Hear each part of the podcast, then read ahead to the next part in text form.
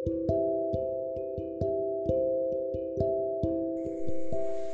selamat malam penikmat kisah. Semoga tetap berkenan ya mendengarkan larikan kisah yang kucelotehkan. Semoga tidak mengganggu tidur kalian.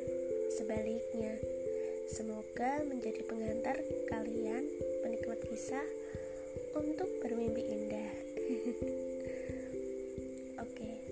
Sedikit kisah nih yang ingin aku perdengarkan kepada kalian. Cerita ini berasal dari teman karibku yang sempat menceritakan kisahnya kepadaku.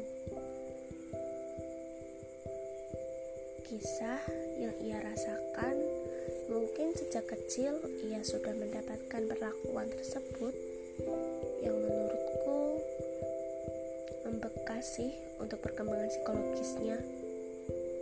Tidak heran jika ia sekarang tumbuh menjadi pribadi yang keras dan kaku. Menurutku itu bentuk pemberontakan yang tertanam pada dirinya karena ia merasa lelah selalu dibandingkan dengan orang lain yang menurutnya orang tersebut tidak jauh lebih baik darinya. Ya, kalau menurutku tidak bijak sih membandingkan pribadi seseorang karena setiap orang itu memiliki ciri khasnya masing-masing. Proses perkembangan setiap orang kan beda-beda ya. Dan tidak disebut keunikan. Temanku ini sering kali dibandingkan dengan teman sebaya, sepupu, bahkan sampai orang yang entah siapa itu tidak dikenalnya.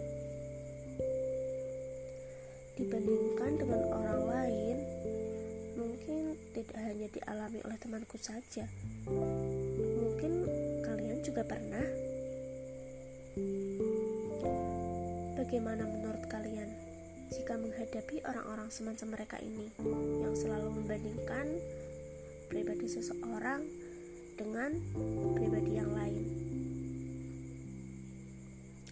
Kalau menurutku sih cukup biarkan saja ya. Ambil langkah untuk memperbaiki diri dan buktikan dengan keberhasilan kita. Pastikan keberhasilan itu orang yang dulu pernah dibandingkan dengan kita. Hmm, kisahnya cukup singkat ya, cukup itu dulu. Agar kalian semua tidak bosan mendengarkan. Sekian dulu ya kisah hari ini. Terima kasih telah sudi